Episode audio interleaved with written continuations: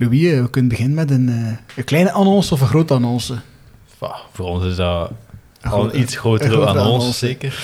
Ja. Ehm, wij hebben op 4 juni onze allereerste live podcast. Ja. En die gaat door in, En eh, de Prielpoort, in Deinze, de legendarische de, Bielpoort. het oor ter verderf van deze.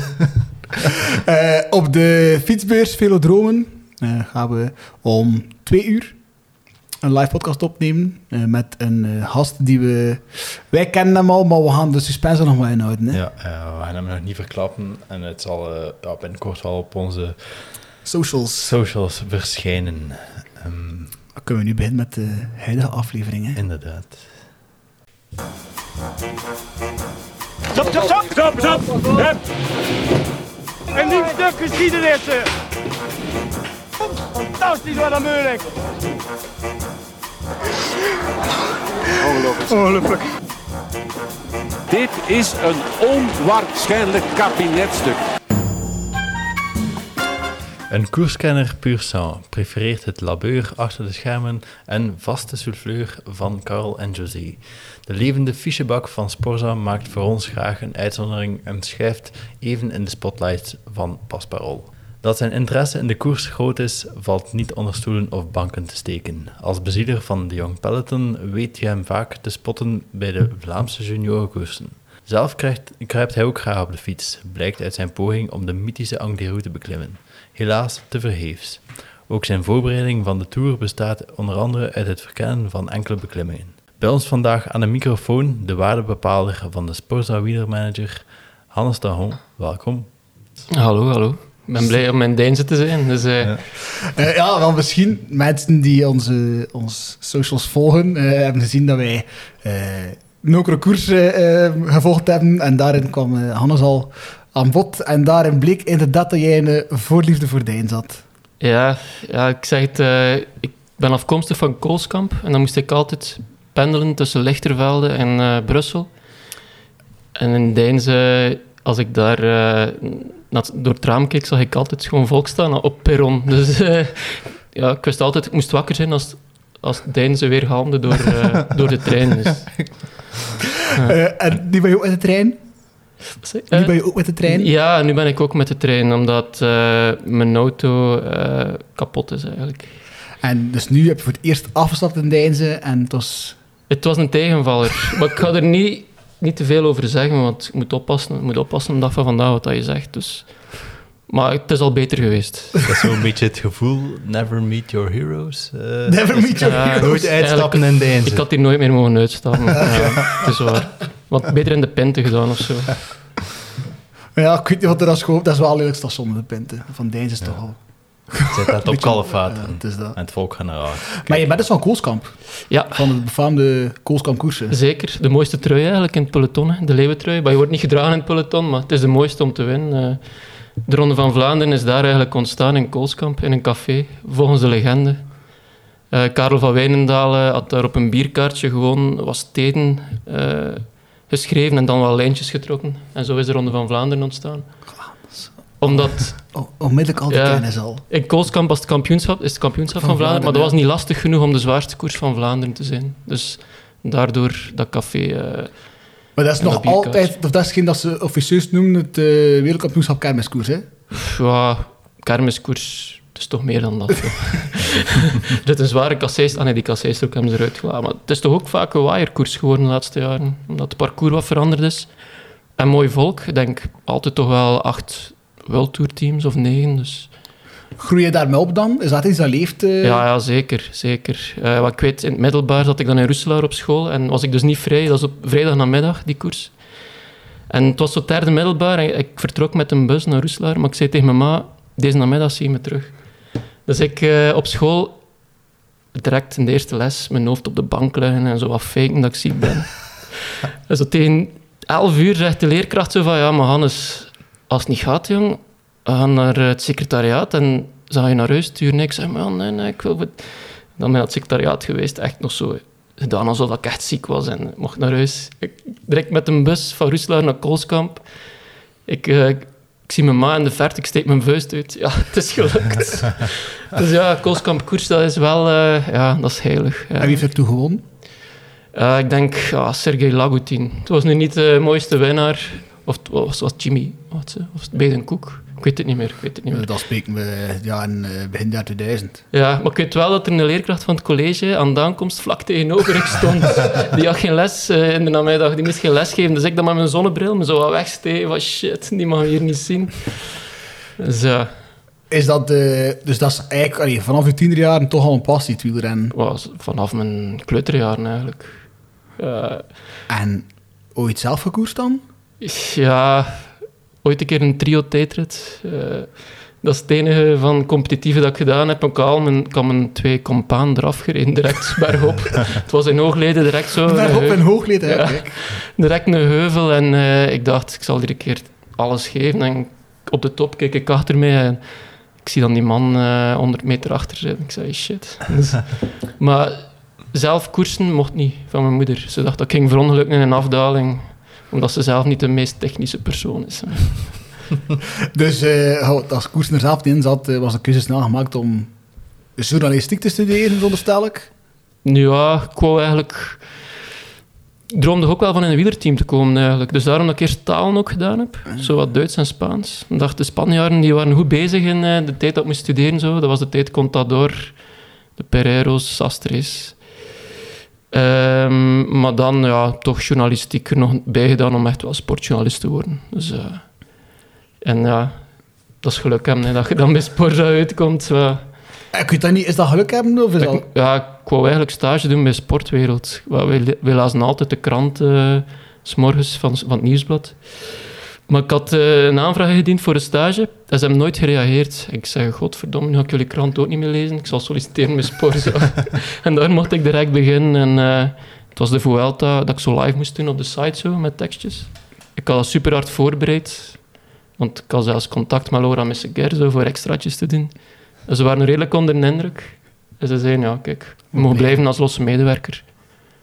En zo is dat dan, eh, dat was dan acht keer per maand of zo dat ik mocht komen. En plots eh, was er eh, een vast contract vrij. En ik ben de laatste tekstredacteur van de website, 2015, die een vast contract heeft gekregen.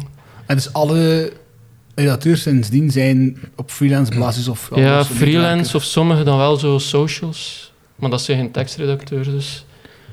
Is maar- dat, en dan eh, op heden, dat de meeste mensen zullen nu kennen, zoals Louis zegt, eh, als de, de, de souffleur van eh Carl en Jo- en José. Ik fluister nooit in die oren. Hè. Als ze zeggen de cabinefluisteraar, maar ik denk, misschien kunnen de oren beginnen fluisteren als ze die koptelefoon van hen afsmeten.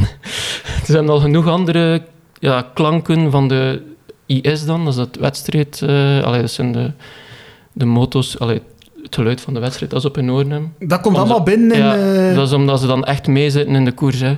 En dan ook eh, Radio Tour hebben zij ook op staan. En dan ook nog instructies van de regie eh, van dat interview of dit of dat. eh. Dat Dus, heb hij niet. ik heb de regie niet en IS zet ik af. Ja, Ik wil enkel Radio Tour en dan ben ik tegelijk ook sociale media in de gaten aan tonen. Bel ik naar ploegleiders als er iets, bijvoorbeeld met Tine Mathieu in de Ronde van Vlaanderen. Ja. Ik direct gebeld naar Bahrein om te weten wie was dat, want dat werd nergens gemeld. En toen belde ik naar Michael Golas, die toevallig ook een Pool is. En eh, die zei, ja, ik weet het niet, we hebben hier zelf geen tv. En een minuut later kwam dan op Radio Tour dat Mathieu was. Maar op Twitter dachten ze allemaal dat eh, een andere Pool was. Gradek, denk ik. En toen waren er die dachten dat Arndt was. Dus op- dan probeer ik zo rap mogelijk te bellen naar eh, die ploegleiders. Madouas was ook zo'n geval in de ronde, was die achterop geraakt. Ik heb toen gebeld naar de ploegleiding. En toen zeiden ze dat hij ziek was opgestaan. Zo heb de Moet info. ik me dat echt voorstellen? Hij belt naar de ploegleiding. Die man die in de auto zit. Ja. Ah, ja toch? Dan zei ik altijd... Ja, Dat die man oppakken. ja wel, maar dat, dat- ja, dat is gewoon die... Ja, hands-free natuurlijk. Hè. Eh, maar, oh, eh, jij zou weer die neen was pauze. Ja, maar ik doe dat niet te veel. Ik ben er heel spaarzaam in. Ik denk dat zelfs ja, in de ronde dat ik naar twee gebeld heb en in andere koersen doe ik dat meestal niet. Maar ik wil die ook niet... Ik zeg altijd, ja, je ne dérange pas, of I'm not disturbing of, some, ja, of zoiets. Zodat ik, want ik weet dat die man echt in de koers hè. Eh, Maar het is voor Sporza en Carl en José, die, die missen die info en dan hebben ze die en dan zijn die content. En dat is het enige dat ik wil, dat ze content zijn. Hè. Dus- nee. De, de, de hoofdtak is gewoon Carl en José content uit. Ja, ja, dat is de voorbereiding naar het leven van een koppel eigenlijk. Wel, Dan niet met een man, maar... Dat, Dus je de relatietherapeut. ja, ja, Soms zoiets, ja. Is dat de, uw, uw hoofdjob? Nee, zeker niet. Ik denk dat dat maar 10% is van ehm, mijn job eigenlijk bij Sporza. Dan nog 10% eh wielerclub wattage, vroeger extra time koers. En dan, ehm, oh ja, ik denk toch wel zeker drie vierde of 80% dan de website. Dus artikels schrijven. eh, meestal over koers, maar ook over ja, snoeker, schanspring, ook, ja. waterpolo. Allee, ja. Hij volgt ook nog andere koers. Eh, Andere sporten. Ja, schanspringen. Hè. Daar komen er nu veel renners uit voort. Dus. En wij hadden dat toch met eh Jeroen van Bellegem, was ook wel fan van het schandspringen. Ja, maar die becommentarieert Ja, op Eurosport. Ja, Is dat iets dat je zelf denkt van... ehm, ey, ik zie mezelf dat ook wel doen, commentaar geven? ik vind dat ambetant eh, om dat te zeggen, omdat... Zou ik het zeggen? Ik wil de mensen eigenlijk niet ambeteren in de huiskamer. met mijn stem of met mijn eh, gezever soms. Dus eh, ja, ik vind dat heel veel respect voor eh Karel José, ook Renate in grote rondes. Ja, dan die altijd zichzelf ook maar uitvinden. En dat die zo vlot dat gesprek kunnen aangaan met elkaar en er soms wat folietjes insteken. Dus dat is echt wel... Ja. Dat eigenlijk helemaal aan één praten, ja. Vind ik. eh. En zeker ook de Ronde van Vlaanderen, allee, dat is echt acht uur dat je in een kotje zit. En die man moet dan ook heel de tijd in de uh, pis ophouden, om het wel een lelijk woordje te zeggen. Of, ja. Eh, Ik kan mij gewoon niet Ah, nee, inbeelden. ga niet. Ja, ah, ging zij af Ah, en wel, toe... ja, er was even een, broodjes, een broodjespauze. Maar ja, dan heb je zo vijf minuten om je broodje op te eten. Als je dan nog dat moet combineren met een bezoekje aan zo'n pisson, ja. Was dat vroeger niet langer? Was dat niet dat ze dan zo een uur overnamen? Op restaurant En- in, nee, nee, nee, eh, in de studio overnamen. Dat en dan... kan, dat kan. Ja, maar ik, ben, ik, ja, Maar jij zit je daarnaast? ik zit naast Karel zo. Dus Karel zit in het midden, ik zit er rechts van en José links. Soms is het ook omgekeerd. Maar ik zit Karel altijd in het. Ja. En dan voornamelijk dus ey, ploegleiders bellen. eh, Ja, dus eigenlijk voornamelijk, eh, als er ook renners in de vlucht zijn, probeer ik zo snel mogelijk een eh A4'tje met wat bullets. Dus jij hebt ook nu een eigen fichebak. Ja, vroeger meer dan nu. Vroeger deed ik dat allemaal in mijn vrije tijd. Dat was echt zo twee weken congé en dan eh bijna twee weken met fiches bezig zijn voor de Tour, dat eigenlijk te zot voor woorden was. Maar nu, ehm, ja, ik heb al wat opgebouwd en ik ga nu naar jeugdkoersen ook om daar al wat extra info te hebben. Dus sommige dingen weet ik ook al zonder op te zoeken. Dus, Die jeugdkoersen gaan we straks nog opkomen. hè. ja, is goed. Eh, we gaan misschien een keer eh, overgaan naar het... eh, Beginnen aan het voorjaar. Ja, we gaan beginnen aan het voorjaar. Eh, want voor ons luisteraars, eh, we hebben jou gevraagd om een keer een, eh, een, een kort eh, terugblik op het voorjaar en een, een korte vooruitblik aan het Giro. Eh, maar misschien te beginnen bij, het- bij het voorjaar.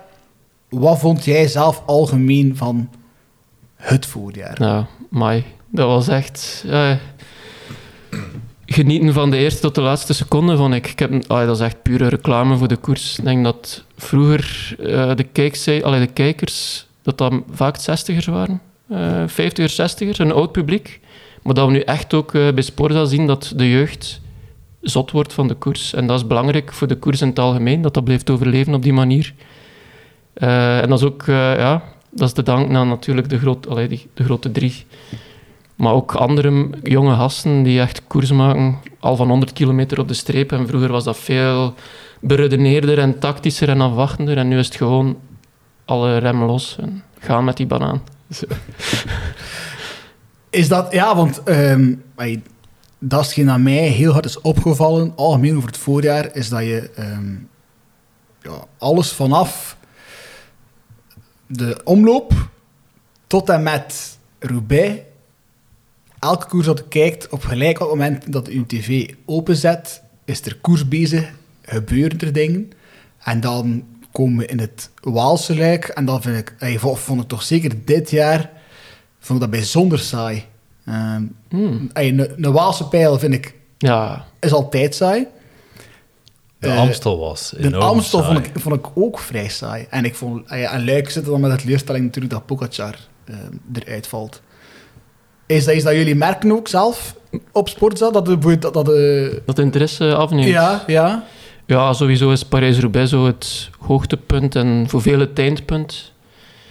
Maar ja, ik vond nu wel dat de Brabantse Pijl bijvoorbeeld wel nog een leuke koers was. Die die is dat niet zien. Ja, met Ben Healy en... eh, en de goldrace vond ik ook wel nog met Pogacar, maar je ziet ja, vanaf dat Van Aert of Van der Poel er niet meer bij zijn.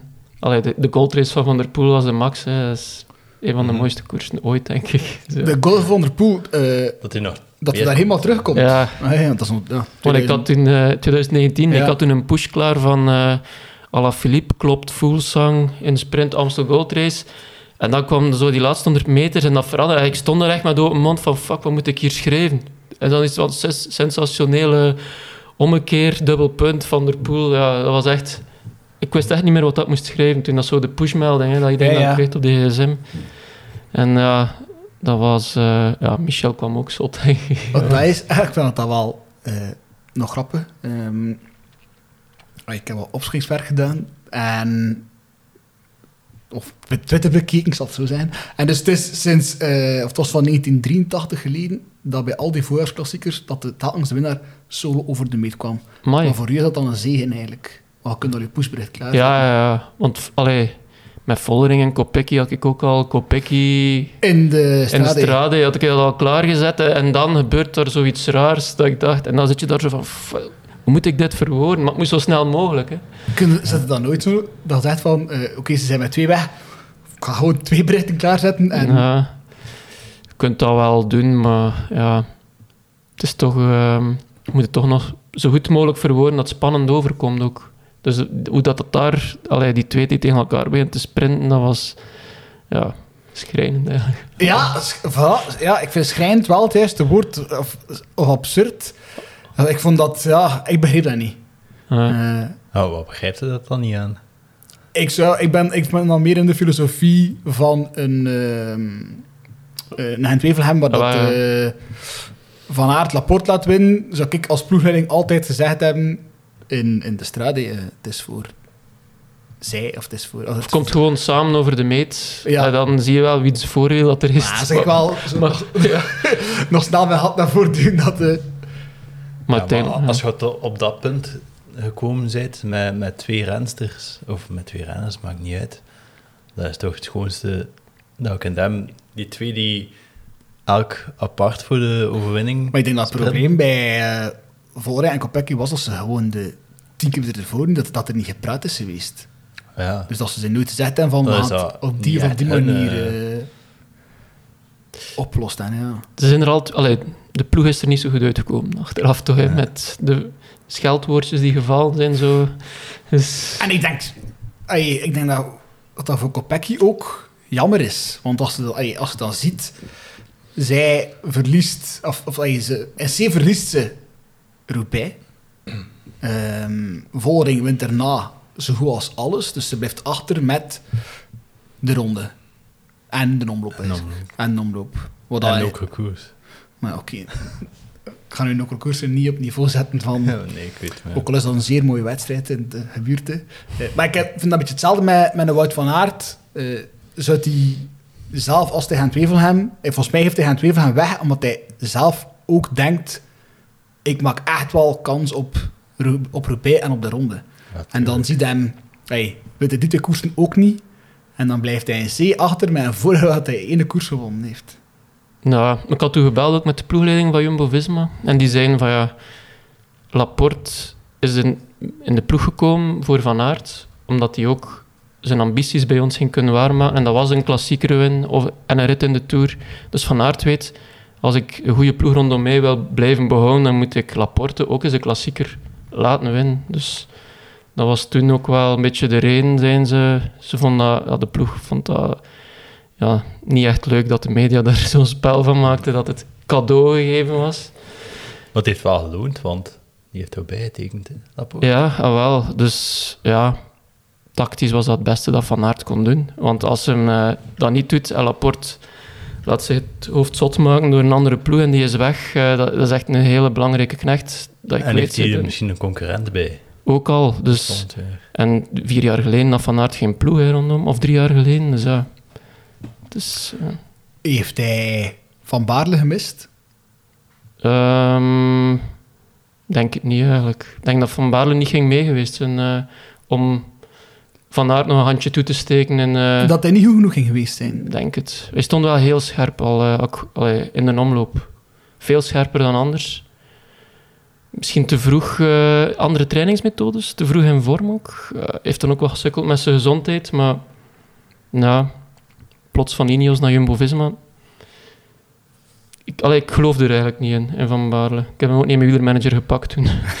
Dus, eh, Je gelooft er niet in of niet meer in? ik geloof er dit voorjaar niet in, Ah, maar ik denk wel dat hij eh, volgend voorjaar wel eh, weer top kan zijn. Maar het is altijd wat aanpassen. Hè. Als je van ploeg verandert, andere trainers, andere ja, voedingsprotocollen, eh, alles is anders. En bij sommige renners pakt dat niet altijd meteen. Dus, Vind je zelf het voorjaar van Van Aert geslaagd? zeker, ja. Ik ben te kritisch, ik. Ja, allee, als je kijkt naar ze op Pro Cycling Stats, allee, ja, hoeveel renners kunnen zo'n voorjaar de laatste tien jaar eh, voorleggen? Dat je altijd top 5 zit eigenlijk. Allee, de, de, de, huid- de, de- man die eh, vandaag zijn, eh, als je heeft aangekondigd, van Avermaat. ja, die heeft ooit ook eens- voor, hè? ja, En de teneur is ook altijd de ronde nooit gewonnen heeft. ja. Maar hij heeft wel de virtuele ronde gewonnen. Ja, inderdaad, in corona. Ja, ja, ja. ja, dat klopt, ja. Ehm, wat was voor, voor, voor jou de favoriete wedstrijd van het voorjaar? Dat er voor u echt bovenuit sprong? Parijs-Roubaix toch wel. Ja. Omdat er op iedere kasseistrook kan er iets gebeuren. Dus dat is altijd stress. Ook, wij zitten daar dan ook eh, in de tribunes op de velodroom, in de buitenlucht. Het is altijd mooi weer. Je zit echt in die sfeer en Radio Tour wordt zot. Dat is echt om de drie seconden een lekke band, een valpartij.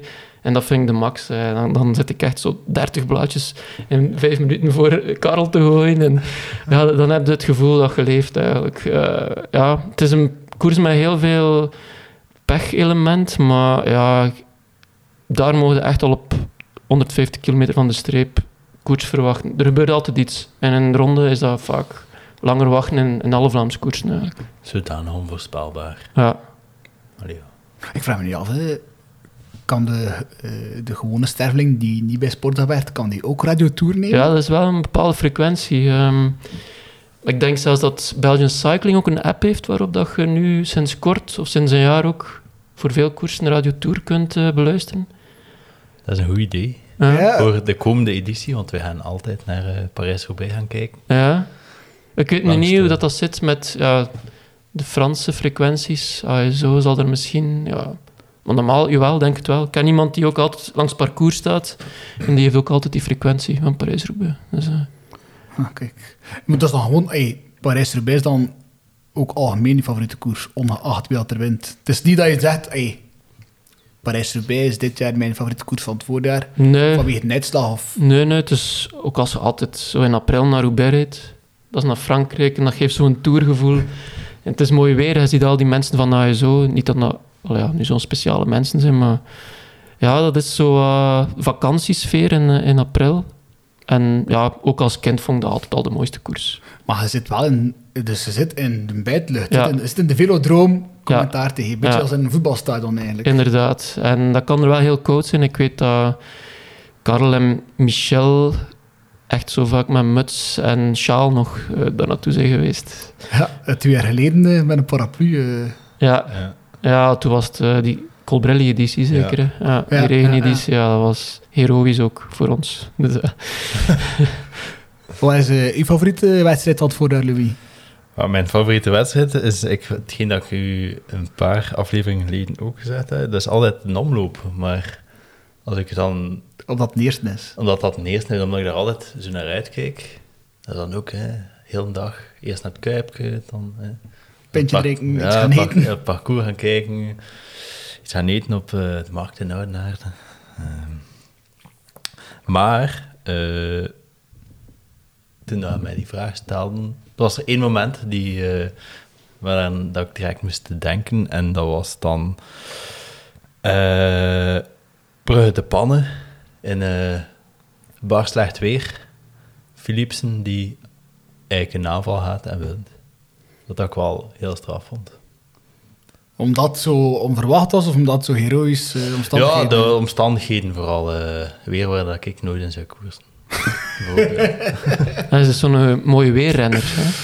Louis is ja. Ja. een, een renner die adreen... Het heeft altijd toevallig last Ja. van iets. Dus de voorbije drie maanden heb je niet gefietst dan. eh. Jawel, De ja. voorbije drie maanden Ja. is er vooral veel teruggekeerd naar huis. Ai, ai, ai. Ja, honger. Ja, ja, ja. Ik ben één keer een- teruggekeerd naar huis. Ja, ik niet een, dus, eh. een rit naar eh, Doornik. Mont Saint-Aubert. Ja, ja eh, maar Ja. Louis heeft de het weer niet gezien. Nee, Ik heb alleen maar verder rijden. te veel wind.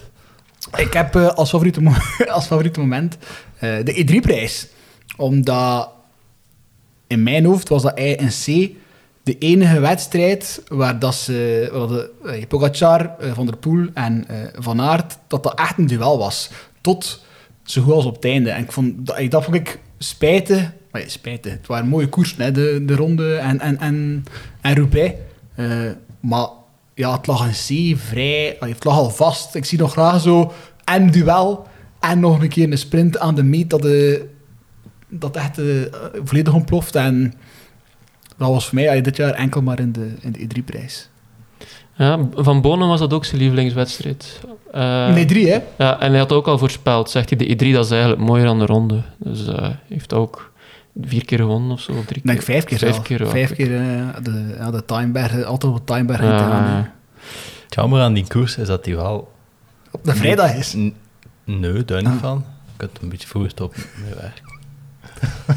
Eh, nee, maar ehm, dat hij wel veel vrij heeft wat er de week daarna gaat gebeuren. Nee, eh, Ja. op de ronde.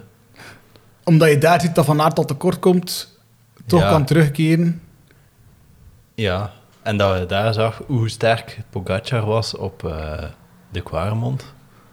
Dat je dacht van, ja, niemand had die ooit beginnen bijhouden. Als, alles, als hij geen pech heeft of zo.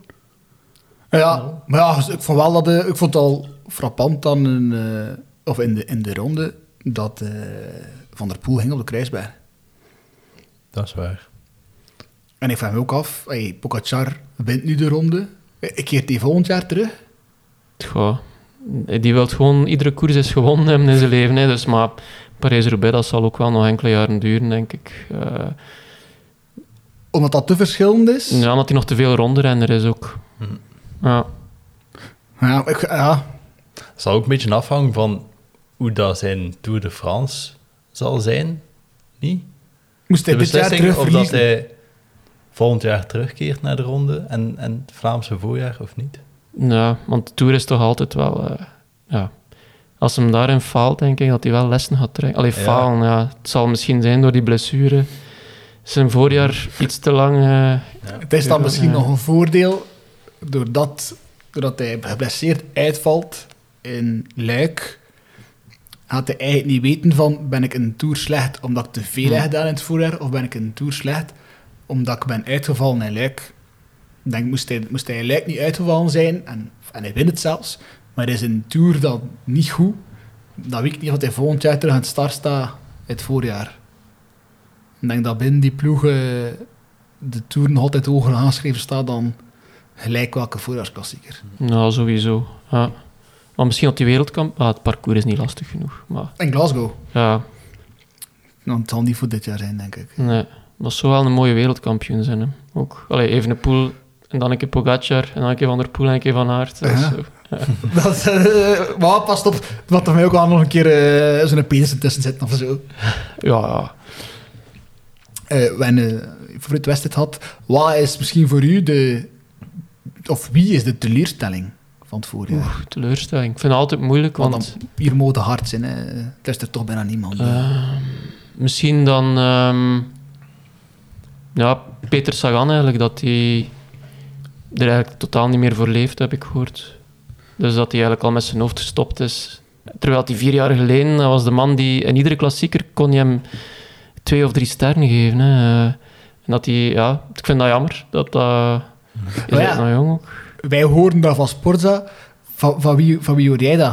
Echt van in, in een buik van peloton? Ja, ja. Ook Oh. gewoon dat dat niet zo'n leuke renner is om ja, tegen te komen in het peloton. Dat hij zich wel redelijk eh, egoïstisch gedraagt. Dus eh, dat hem dan als hij naar voren rijdt, dat hem echt zo... eh, Ja, Ellebogen, maar dat, regelmatig- dat zie je Ah, wel in de koers af en toe. Hè, die Gianni ellebogen. Moscon had dat ook in, maar die is daarin geminderd, want die heeft prestaties niet meer om dat nog te doen. Maar ja, Sagan heeft nog de erelijst om dat te doen. Gianni Moscon natuurlijk fietst dit nog. Het is zo doet- overdreven uit. Hij doet mee aan de Giro. Ja. Ah, oké. Ja. ja, maar hij presteert echt niks meer. Ik denk dat ik hem het minimumbedrag ga geven eh, in, de wieler, in de wielermanager volgend jaar.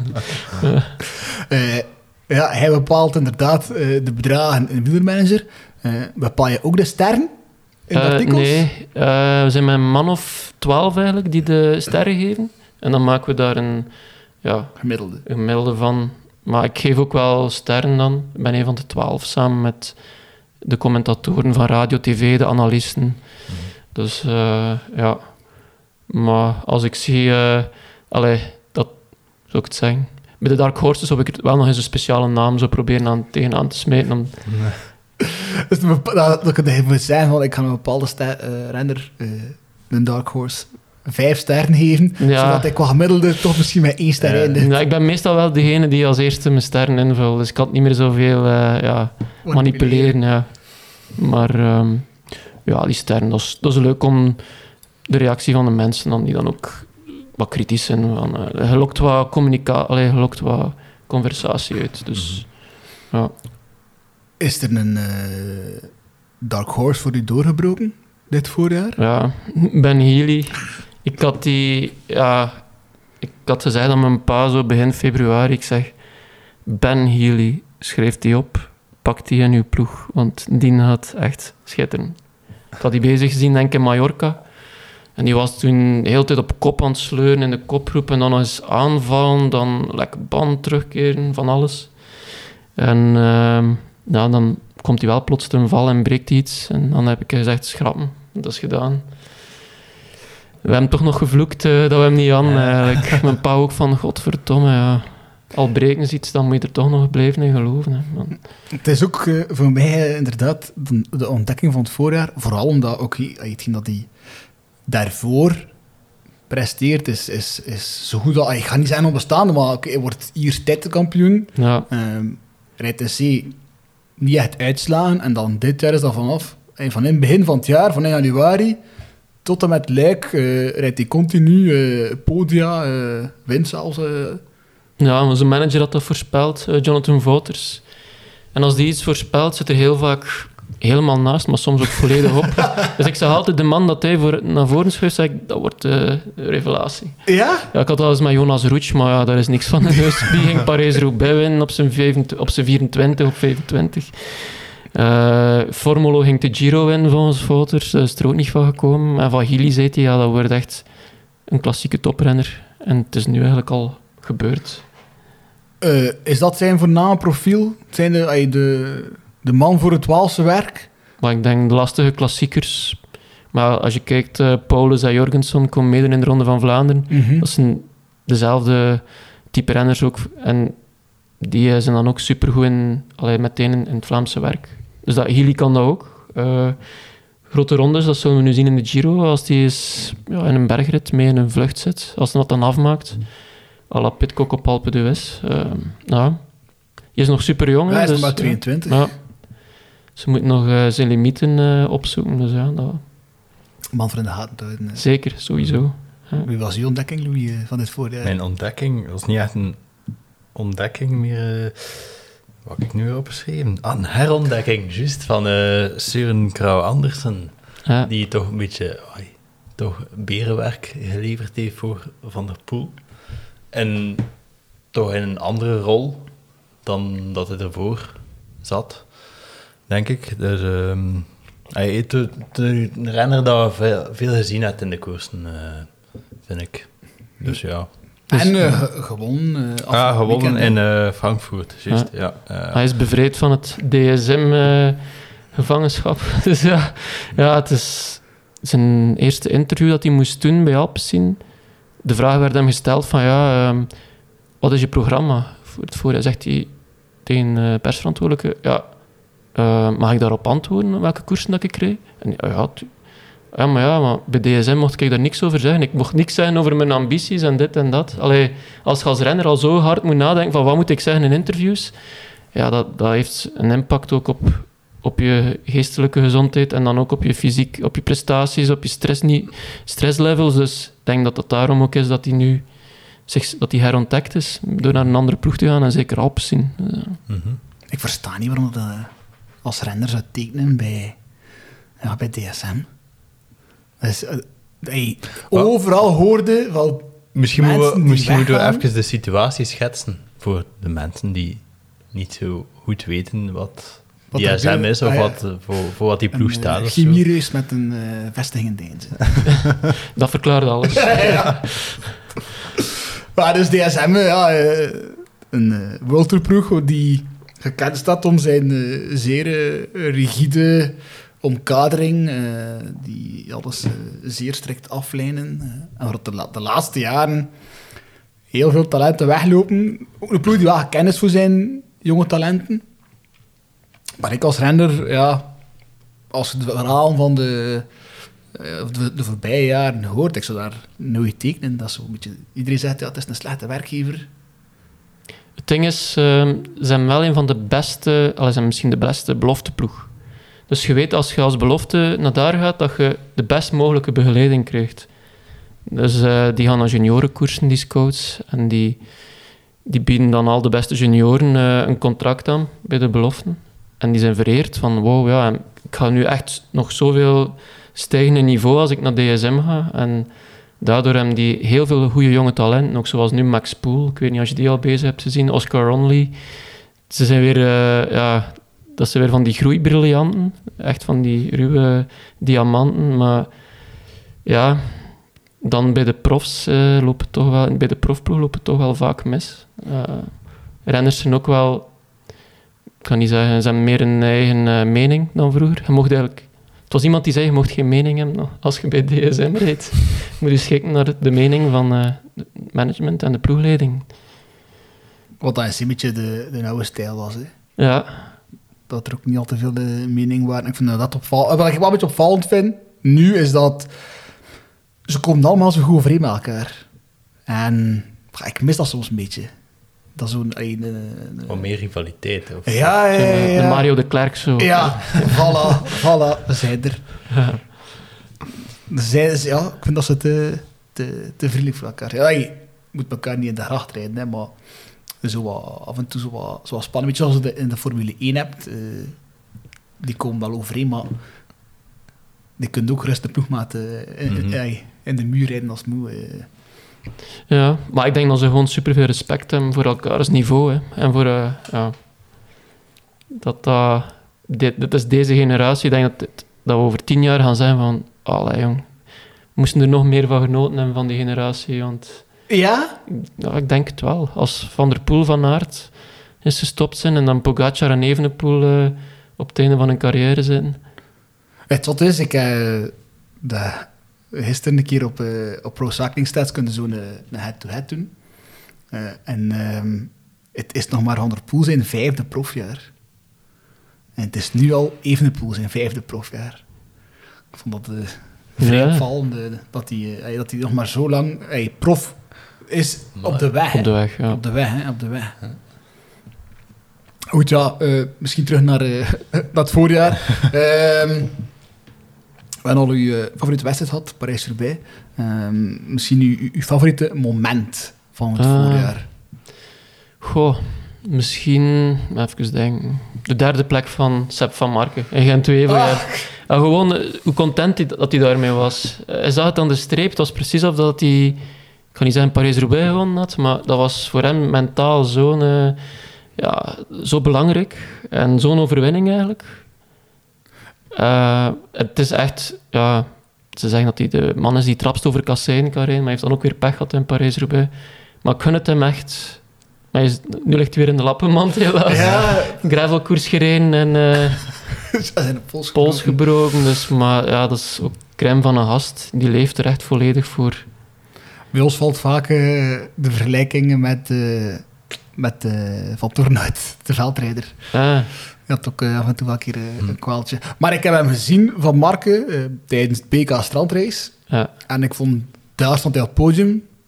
en daar, ik vond dat hij daar al, en dat is januari, allee, dat, dat was in januari, maar ook bijzonder, bijzonder scherp stond. ja.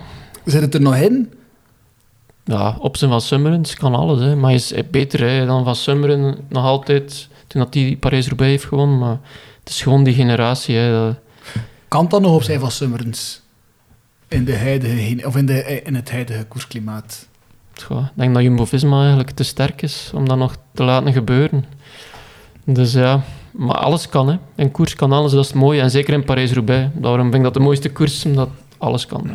Tim de Klerk zou dat ook kunnen op die manier. Die kan ook bijzonder hard koersen of trappen eh, op kassein. En in het algemeen ook. Maar Maar die wil dat niet. ja, als het een keer eh, anticipeert... Heeft hij niet in, eh, was dat niet in de Dierdaagse de Brugge de Pannen? Brugge de Pannen, dat ze hem een keer de kans gegeven om te winnen? Het was denk ik Le Samin. Was dat, was dat anders ook? Ja, je was daar eens... Ja, in de finale dat hij echt wel mocht voor eigen rekening rijden, maar had te veel stress dan. Ja, ja. In die situatie. En, ja. Wat was eh, uw moment, Louis, van het voorjaar? We hebben het er juist al over gehad. Eh, ik had de, de sprint eh, op de Piazza del Campo. Dat is toch zo dat dat noemde? Ja. Ja, ja, ah, Tussen ja. Kopecky en ehm. Vollering. Ja. Omdat, ja, ja, lijkt dat ik dat juist zei. Omdat ik vind, als je met twee weg bent, sprint dan gewoon voor, eh, tegen elkaar voor de overwinning. En la, laat de benen spreken en spreek niet af. Of, of... Dus uw anti-moment was dan geen Wevelgem met de man. Wow, niet echt een anti-moment, nee. Maar goh, ja, ik vind dat jammer dat dat dan zo gebeurt, al versta ik het wel. Ja. Mijn moment was ook eh, in de strade, maar eh Pitcock. Ik dacht dat je dat paard ging zeggen, die Ah ja, vervangen. fuck, ja. dat, dat is het tweede moment, dat paard. Ja, nee, eh Pitcock, ehm, zijn afdaling. Omdat dat... Ik had het zelf gereden, of ik heb het zelf gereden de dag erna. Eh, maar niet op die strook, maar ik had het strook de dag ervoor gereden, maakt niet uit. Eh, maar omdat dat zo absurd is, dat je daar op die gravel zo snel afdaalt, dat je daar motards passeert. Ehm, hij rijdt ook weg, of eh, in bergop. Eh, ja, mijn, mijn mond viel open. Dat je als wielrenner zoiets kunt. eh, ook een Van der Poel die daar mee was, of die daarbij zat, die hij ook klopt. En ik denk dat Van der Poel toen ook wel al eh, op, een, op een vrij hoog niveau zat. Ja, maar het was de eerste koers toen van der Poel, denk ik, dat hij nog wat zoekende was qua competitieritme. Maar ja, Pitcock, het verwondert me niet dat hem dat zo goed kan, die risico's nemen. Want ik heb in de ploegauto gezeten van vader Pitcock in een juniorenkoers. En dat was ongelooflijk. Ik heb daar echt een paar keer gedacht dat ik ging sterven eigenlijk. De risico's dat hij neemt aan het stuur. Dus eh, ja, dat is echt eh, drie auto's naast elkaar, er nog voorbij gaan op het fietspad, over rotondes eigenlijk vliegen, eigenlijk. dat is zodanig afsnijden. Zijn bochtenwerk, ja, daar kan ik maar jaloers op zijn eigenlijk. Eh, dus hij heeft dat helemaal mee van zijn vader. Eh, dat risicovol ook op de fiets. We misten hem dan, of hij, hij komt dan net tekort in het tweede lijk van het voorjaar. Of was Evenepoel en Pogacar gewoon echt Ja, klasse beter? Ik had... ehm, hij was dus gevallen in Tirreno. Ja. En toen had zijn moeder op een andere juniorenkoers een foto getoond. Zegt ze, moet ik kijken. Dat was nog voor... Allee, dat was niet van die val van de hersenschudding, maar nog een andere val. En echt, zijn, zijn gat lag volledig open. En als ze zei, is, allee, ja, dit is niet goed. En hij heeft er heel veel last van. Hij had ook nog een beetje... Ja, na de strade was hem zo mentaal eigenlijk een beetje... Ja, zijn voorjaar was nog niet afgelopen, maar hij had zo al bereikt eigenlijk. Dus mentaal en fysiek decompressie eigenlijk. En eh, ik denk dat dat hem ja, genekt heeft dan in, dan in het verloop van het voorjaar. Ik weet niet wat de rest van zijn programma is eigenlijk van het jaar. Van het jaar. Hij Ja, is nu aan het mountainbiken zeker? ehm, ja, ik denk dat sowieso wel de Tour... Want Ineos, ja, al sterkste klassementsman, zit nu in de Giro, of zullen starten in de Giro. Ehm, maar de Tour, ja, ze willen nog altijd zien of dat hij ooit potentiële Tourwinnaar kan zijn. Hè. Dus, ehm, ja. Wordt hij naar voren geschoven de Tour dit jaar? Ja. Ik weet niet of dat dit jaar al zal zijn, maar ja, wie zou ons anders pakken? Ik ben aan het denken dat Ja, ik ook. Carlos Rodriguez, maar ja, dat is nu ook niet iemand dat als kopman misschien. ja, Bernal. Hè. Ja. Bernal, maar ja, kom, ik, ja, ik denk dat het nog altijd te vroeg komt. Ja. Maar ik gun het hem van helemaal, maar Heeft hij niet onlangs een interview gegeven of zo, bijna? Of, of heeft hij er niet over Misschien- gezegd? Bernal als kopman, dat is op Pitcock zoals vrij, als elektron, vrije pion er, er rond. Mhm. Dat hem dan in de schaduw kan verrassen. Zou hij nog teruggekomen, Bernal, op het niveau van daarvoor? Ja, dat was echt... eh, Want ik dat wordt vaak vergeleken met Evenepoel zijn geval, maar ik denk dat dat toch ik nog... denk dat eh, dit nog erger was. Ja, ja. Ja, dat is echt zo eh, op een autosnelweg dat je op een bus vliegt Mhm. die geparkeerd staat om mensen uit te laten. Ik weet dat de Colombiaanse journalisten toen eigenlijk al dachten dat hij dood ging zijn. Dus ik had, ik had toen contact met een Colombiaanse journalist en die vrezen er echt voor. eh. Op het moment zelf... ja, eh, ja, ja, ja. Maar ik denk dat ik het ook wel in een andere podcast gehoord heb, dat hij, ehm, nou ja, als hij, dat hij wel kon fietsen, maar op het moment dat hij van zijn fiets stapte, dat hij echt eh, al kreupelend wandelend naar, zijn, naar zijn bed was. Ja. Eh, ja, moment van het voorjaar, ehm, misschien algemeen de, de, de renner van het voorjaar. ja, En je mocht maar één kiezen. dat is ook tof voor Pogacar, zeker. Eh, ah ja, ja, Ja, dat is het. Ja. De, de logische namen. Mhm. Als je in allee, ja, de ronde je wint het grootste Vlaamse, of het grootste Cassé-monument. Parijs Roubaix deed hij niet mee. En dan ook in de klimklassiekers. Je klopt eigenlijk, het beter dan Van Aert en Van der Poel in de Cassijn. En in Amstel Gold Race is hij dan beter dan alle andere klimtenoren. Nou, dat is het eigenlijk overal de beste. Is de Amstel Gold Race de eerste koers waar dat we ze alle vier aan het werk gaan zien? Tegen elkaar? Ooit nog... eh, ja, ja de, in de toekomst, hè, de Ja. komende jaren. Of gaat er, gaat er nooit van komen, denkt je? Ik weet niet als Evene, bedoelt Evenepoel erbij ook. Ja, ja, ja. Ik weet niet of dat Evenepoel de goldrace belangrijk genoeg vindt. Ik denk dat hij echt zo gefocust is op monumenten, Monumenten. grote rondes, wereldtitels, Olympische titels. De goldrace valt er dan net van tussenuit, denk ik. Misschien op zijn retour. hè. Maar ja, dan gaan die andere man al... het is Ah, dat, eh, Hij was al aangekondigd wel voor de goldrace dit jaar, door het fake Ja. account van Ah ja, Patrick ja. Lefevre. Dus eh, ja. Was, eh, zat er niet achter. Nee, nee, ik had toen direct gestuurd naar de persverantwoordelijke, want ja, dat werd ook gemeld, dat we hadden dat ook gezien. Ik zei, ja, is dit fake news of is dat echt? Zegt hij, totally fake. En dan heeft de persverantwoordelijke ook, ook op Twitter eh, nog eens met die link erbij gezegd van dat dat ja, totaal niet klopte. Dus Wat, wat wordt dan de eerste koers? Of dat we ze zouden kunnen samen zien aan de start? Is dat dan eerder de ronde of eerder Maar- Luik? ik denk 2K. Dit, Ja. ja, je bedoelt van klassiekers? ja, ja, ja, ja. Ja, de ronde gaat nog lang. Remco gaat eerst de Tour willen winnen. Dus dan pas zal de ronde op zijn programma komen. Maar kan volgend jaar al de Tour winnen. ja. Dus ten vroegste de ronde. 2025. Ja, Luik weet ik niet of dat Van Aert... Ja, is er al goed geweest, hè, maar... Hij wil ook niet te veel gooi meer op zijn vork nemen en echt wel focussen op ronde en Roubaix. Ja, Het zit er niet in. De, oh, de ondertoon. De Ronde van Vlaanderen als Remco er klaar voor is. Allee, er klaar voor. Je is er nu al klaar voor. Ja, maar als, hij, eh, als hij alles afgevinkt heeft... Dus dan moet hij en, dit jaar de Giro winnen, volgend jaar Tour en dan... en dan hem 2025. 2025 in de Ronde van Vlaanderen. Dan is Van Aert eh, 32 of zo. Ja, maar tegen dan kunnen er alweer nieuwe toptalenten opgestaan zijn. Hè. Ja, die gaan we straks bespreken. hè. Ja. Eh, wie was uw renner, Louis, van het voorjaar? Ehm, ja, uiteraard Pogacar, maar eh, een naam dat mij opgevallen is, eh, als ik zo'n keer door de ijslagen ben gegaan, was, en die is al gevallen vandaag, eh Nelson Paulus. Omdat dat, ik ken die eigenlijk nog niet zo heel lang. Ik, ik ben niet zo'n zotte koerskenner of zo, maar ik heb die, denk ik, een paar jaar geleden leren kennen in de, in de Tour de France. Ja. Dat ik dacht van, ja, die, die rijdt wel nog aantrekkelijk. eh we hebben hem dan veel gezien, maar nu blijkt dat hij ook zo in de Ronde van Vlaanderen vijfde wordt. In dwars door Vlaanderen wordt hij derde. Milan Sanremo zevende. Eigenlijk ook zo een profiel dat zowel ey, het rondewerk als de eendags klassiekers aan kan. Ja. En dat vind ik wel eh, altijd aantrekkelijk aan een coureur. Ja. Ja, ik, ik kende hem al van bij de belofte en ik, ik was naar de Ronde van de Toekomst gegaan, zo in mijn eentje. En ik had wat medelijden met Paulus. Want die zat toen bij de Amerikaanse selectie en er zat daar een toptalent, Adrian Costa. Die werd de nieuwe Lance Armstrong genoemd, een Franse Amerikaan eigenlijk.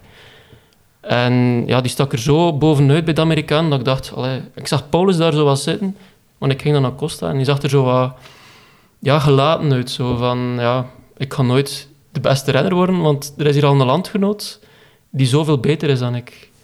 Maar het dramatische verhaal van Adrian Costa is dat hij eh, het wielrennen een beetje beu was eh, als belofte dan. En die is gaan eh, rotsen beklimmen in Amerika, is gevallen, is vastgeraakt met zijn been en been geamputeerd. Ja, maar dat verhaal, dus vandaar ken ik Paulus van die Ronde van de Toekomst met Adrian Costa. En toen dacht ik al, ja, die gaat mentaal goed moeten begeleid worden, want dat kan echt een heel goede renner worden. Maar als je bij de jeugd al ziet dat er renners zo ver bovenuit steken, dat kan wel carrières ook kapot maken. Ja. Maar het is goed gekomen, hè. Het is, ja, eh, ik denk dat hij bij Jumbo-Visma ook gereden heeft. En, ehm, ja, toen sprak hij er al van, denk ik, dat hij eigenlijk als ronderenner ervan droomde om ook eh kasseikoersen te rijden. Dus dat was wel al drie, vier jaar dat hem daarmee in zijn hoofd zat. En dan nu eigenlijk de kans. ja, wat is die? Van 96, dus 27. 27 geworden, ja. ja. Ik had eh Benoot, omdat hij toch... Ja. Hij, wint een omloop, die is ook continu... Maar van Kuurne. Ja. Eh, ja, sorry, Ja. Kuurne, ja. Ehm, continu aanwezig, altijd en, en degelijk. Nergens, die, dat is iemand die nergens teleurstel deed, want ehm, ja, mijn teleurstelling is, is een Seewoud van Aert. Ja, ik, moet- omdat, ja, ik zou- het is mijn teleurstelling. Eh, we gaan zeggen, ehm, ik had echt gehoopt en gebeden eh, dat hij volgend jaar die dingen ging winnen. De Die- dubbel. Die, nee, die klassieker. En dat hij vanaf ging zijn van Mm. al die zeven daar rond. Ehm, vandaar dat het is een persoonlijke teleurstelling. Enfin, eh ja, benoemd omdat hij zo, zo constant is en dat hij in C ook wel altijd goed is in de Tour. Eh, ik heb nog een tweede naam, Maxime van Hils. Ja, Eh, ik vind dat een zalige coureur. En ik denk dat er daar een zalige kerel ook, Ja, ja. blijkbaar. Ah, wel, het ziet er een heel sympathiek net. Ja. En die ook zo in de... Die goede uitslagen heeft gereden ehm, in, in, in het. Eh, maar ik vond ook daarvoor al in de ritten die misschien iets... Of de koersen iets minder op tv komen, zat hij ook wel goed. En was, in Catalonië was hij ook Ja. wel eh, in orde. Maar je weet wat hij kan en wat hij niet kan. Hij is er, ja, eerst dachten ze dat is ook iemand die in de grote rondes een ja, voorname rol kan spelen. Is niet, om rit te, eh, is niet voor een klassement, is het om ritten te winnen. Maar hij heeft door de ervaring beseft van... Nee, dat zal het niet worden. Dus dit jaar puur gefocust is het programma op eendagskoersen, lastige eendagskoersen en geen grote rondes. En dat loont meteen als je ja, niet meer balanceert tussen ja, verschillende soorten koersen. Dan, ja. Is dat eh, potentieel om een Amstel te winnen? Of- ja, ik denk als het een meer gesloten koers zou zijn, hij heeft ook nog een snel eenschot, dat dat wel iemand is die dan eh, kan meedoen voor de zege.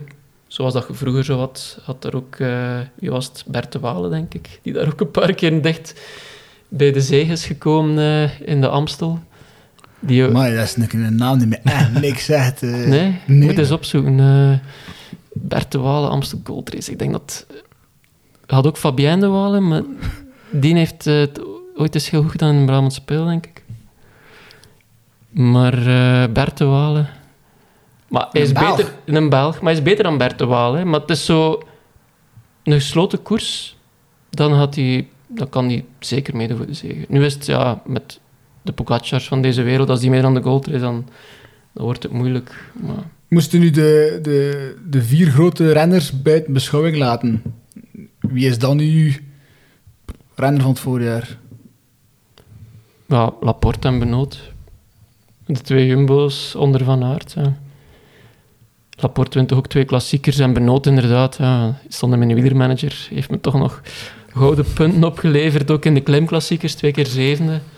Dus eh ja, ik kijk dan ook een beetje naar de punten als ze scoren. En Laporte heeft zelfs het meeste punten gescoord van iedereen. Dus eigenlijk is dat de renner van...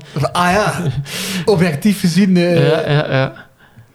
Ja, ik vraag, hoeveel mensen speelt er daar? Ik denk dat we bijna 70.000 mensen dan. We zijn begonnen met 25.000 eh, vier, vier of vijf jaar geleden. En nu het 70. Dus eh, die winnaar heb ik dan ook gebeld, de winnaar van de wielermanager. En die is gewoon ja, de, een van de grootste eren dat je kunt hebben als wielervolger. Dat je Dan de winst. 70.000 mensen verslaat. Ja. Dat is een beetje, ja, hoe noem dat nu weer vroeger? Dat, eh, met de krant. Megabike? Ja, Ja, Megabike. Ja. De, eigenlijk is de, Sporza Wielmanager is de, de, de, de nieuwe Moderne, Megabike. Ja. Ja, daar heb ik eigenlijk mijn liefde voor de koers ook wat laten... Allee, dat heeft het echt wel naar een hoger niveau getild. De Megabike. Ja, ja, ja. Ik weet nog dat mijn pa, ik denk dat dat in 97 de eerste keer megabike was. En mijn pa had dan zo van iedere renner een fiche. Want ja, internet, dat stond nog in zijn kinderschoen. Die had dan zo'n fiche en ik zat er dan in te bladeren. Ik had eens bloedworst gegeten, allemaal bloedspetters op die fiches. mijn pa bij kwaad. Ehm, maar hij was daar zo intens mee bezig. En dat ik het jaar daarachter ook wel mee, in, in 98. Ik was toen acht jaar. En ehm, ja, toch hoog geëindigd als jonge gast. Ja, Daar stonden toch nog mooie prijzen op. zeker, zeker. Ja, ik denk dat de winnaar 500.000 Belgische frank, de eindwinnaar, Ja, 500 in die tijd. ja. Hoeveel euro is dat? Eh 12.500. Ja, dat is veel, hè. Toen was dat nog meer waard, maar Ja, Dat was gewoon uit in de tijd. eh. het heeft wel voor eh, soms wat ruzies gezorgd aan de ontbijttafel. Ook met de moeder, Omdat er te veel daarover gepraat of omdat de... ja, omdat er soms wat fouten werden gemaakt. Hè. Eh, ik weet nog, het was geen Twevelhem, dat was dan de woensdag namiddag. En mijn moeder kwam mij afhalen van school, want dat was kinderopvang namiddag. En ik vraag ze, ja, wie heeft er gewonnen? En zegt ze, Van Bon. En ik, ah yes, Leon van Bon. Ja, die staat in mijn ploeg, dat is een dark horse. Ik kon dat met het verschil maken dat die geen twee van me gewonnen heeft. Ik kom thuis, ik kijk op teletext, want ja, internet was er nog niet. Geert van Bont had gewonnen. ik, kijk, ik, ik was vijf minuten de geluidste mens ter wereld dat Leon van Bon had gewonnen. Het was... Allee, ja, Geert van Bont. Je kunt zo'n fout maken, maar... Ja. Dat is de man die nu bij Quickstep zit. hè. Ja, maar ik had nooit gedacht dat Geert van Bont geen Twevelhem kon winnen. Maar dus ze stellen die ploeg op met je vader dan. Het is niet elk, Elkels eigen ploeg. hè. Ja, toch wel, Elko's eigen ploeg. Ja, daardoor was ik een beetje geen grote fan van Frank van den Broeke, maar mijn pa pakte die altijd en ik dacht, ja, dan pak ik hem niet. maar ja, als hij dat leuk was, nou leuk kon tegen Bartoli. Ja, dat was... Eigenlijk moet je daarvan genieten als wielerfan, maar ja, als pronostiqueur maar- zit je daar... ah, Ik had dat ook op het moment dat de, de Sporza wielermanager invult, dan kijkt hij met een volledig andere blik naar de koers. Ja, Ja. dat is waar. Maar dan is het echt te kijken van, ja, oké, ik heb die Dark Horse eh, op Paris anders. eh, ja, die mag winnen van mij. Die, mag- moet die, niet winnen, mag die in mijn ploeg staan. eh. maar nooit gewonnen, eh, de Megabike. Nee, wel een keer een skirace gewoon. Eh, dat was een uh, Roubaix in de Tour. Ik had zo'n klassementsploeg en toevallig was dat de winnende ploeg van die daguitslag. Maar ik heb die skirace naar Zwitserland niet benut. Ik heb toen, eh, dat was in de krokusvakantie en ik moest dan met een bachelorproef werken. Van aard zou zeggen, ik moest juist niks, maar dat bestond nog niet in die tijd. Allee, ja, dat, zat nog, dat was nog niet mijn mentaliteit. En ook al is een koersfiets gewonnen in Waarder Vlaanderen, toen dat Nick Nuis die gewonnen had. Ik had toen een ploegje gemaakt tijdens de les. Ehm, en ook eens 1000 euro gewonnen. Maar dan ja, de toch... maar eh, verspelt er ook veel geld aan. Hè. Een ploegje kost 10 euro. Dus Ah ja. ik maak wel altijd maar één ploegje, maar nu zelfs niet meer. Ehm, dat was, nu is het voor Megabike bestaan niet meer, Ja, maar zo houden spelen zijn er ook. Mm, dan maak ik, vroeger maakte ik daar ook een ploegje. Ehm, Is er een prijs bij de Sporza wielermanager? ja, veel waardebon, zo. Bioracer. Hij had de winnaar 900 euro waardebon. Had. Allee, ter waarde van 900 euro. En nog een kilogram koffie. Ja, maar je denkt geen koffie eten. Dus ik zeg dat proberen aan de grootmoeder te verpatsen. eh.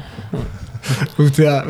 Van de, van de Megabike eh, is misschien tijd om een keer over te schakelen op eh, hetgeen dat voor de deur staat eh, in, in de wielerwereld. hè, zijn de, de, de Giro. Staat uw wielermanager al ingevuld?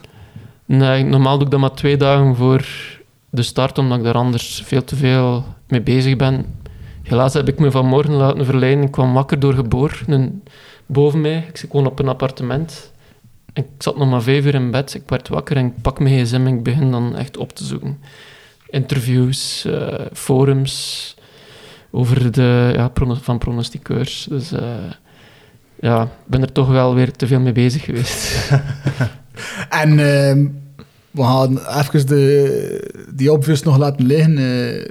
Wie zijn dan de, de renners die je zelf dan voorschrijft nu in de Giro? Van, dat zijn wel mensen die, waar, ik op zou letten. Hè, die wel een keer in mijn wielermanager dan eh, punten kunnen pakken. Eh, ik denk dat Lennart Kemna bijvoorbeeld op het podium kan eindigen. Ah, mooi. Ja, Dat is al een grote uitspraak. ja. Die is toch ook altijd goed voor in de wielermanagerpunten te pakken. Hè. Ja, maar dan meer als ritkaper. Ja. Maar hij gaat voor het eerst eigenlijk toch eh, ja, een klassement nog ambiëren. Hij heeft het mentaal daar heel zwaar mee gehad in het verleden. De druk. Hij is toen in zijn tuin gaan werken, een half jaar. Omdat hij het wielrennen beu was door de druk. Maar nu zit hij, is hij weer stabiel en wil hij eh, ja, er, met die drie tijdritten. Het is een heel goede tijdrijder. Wereldkampioen geweest tijdrijden bij de jeugd. En ik denk dat hij ja, de best of de rest kan zijn. Met de ja, Ineos er dan als grootste concurrent. Ik verwacht ook heel veel van Jay Vine, eigenlijk. Ik denk dat dat de enige is die eigenlijk Roglic en Evenepoel misschien nog kan bijbenen op. Bergop. Ja, maar ook in de tijdrijden is hij superveel verbeterd. Hij heeft eh, windtunneltesten gedaan bij UAE.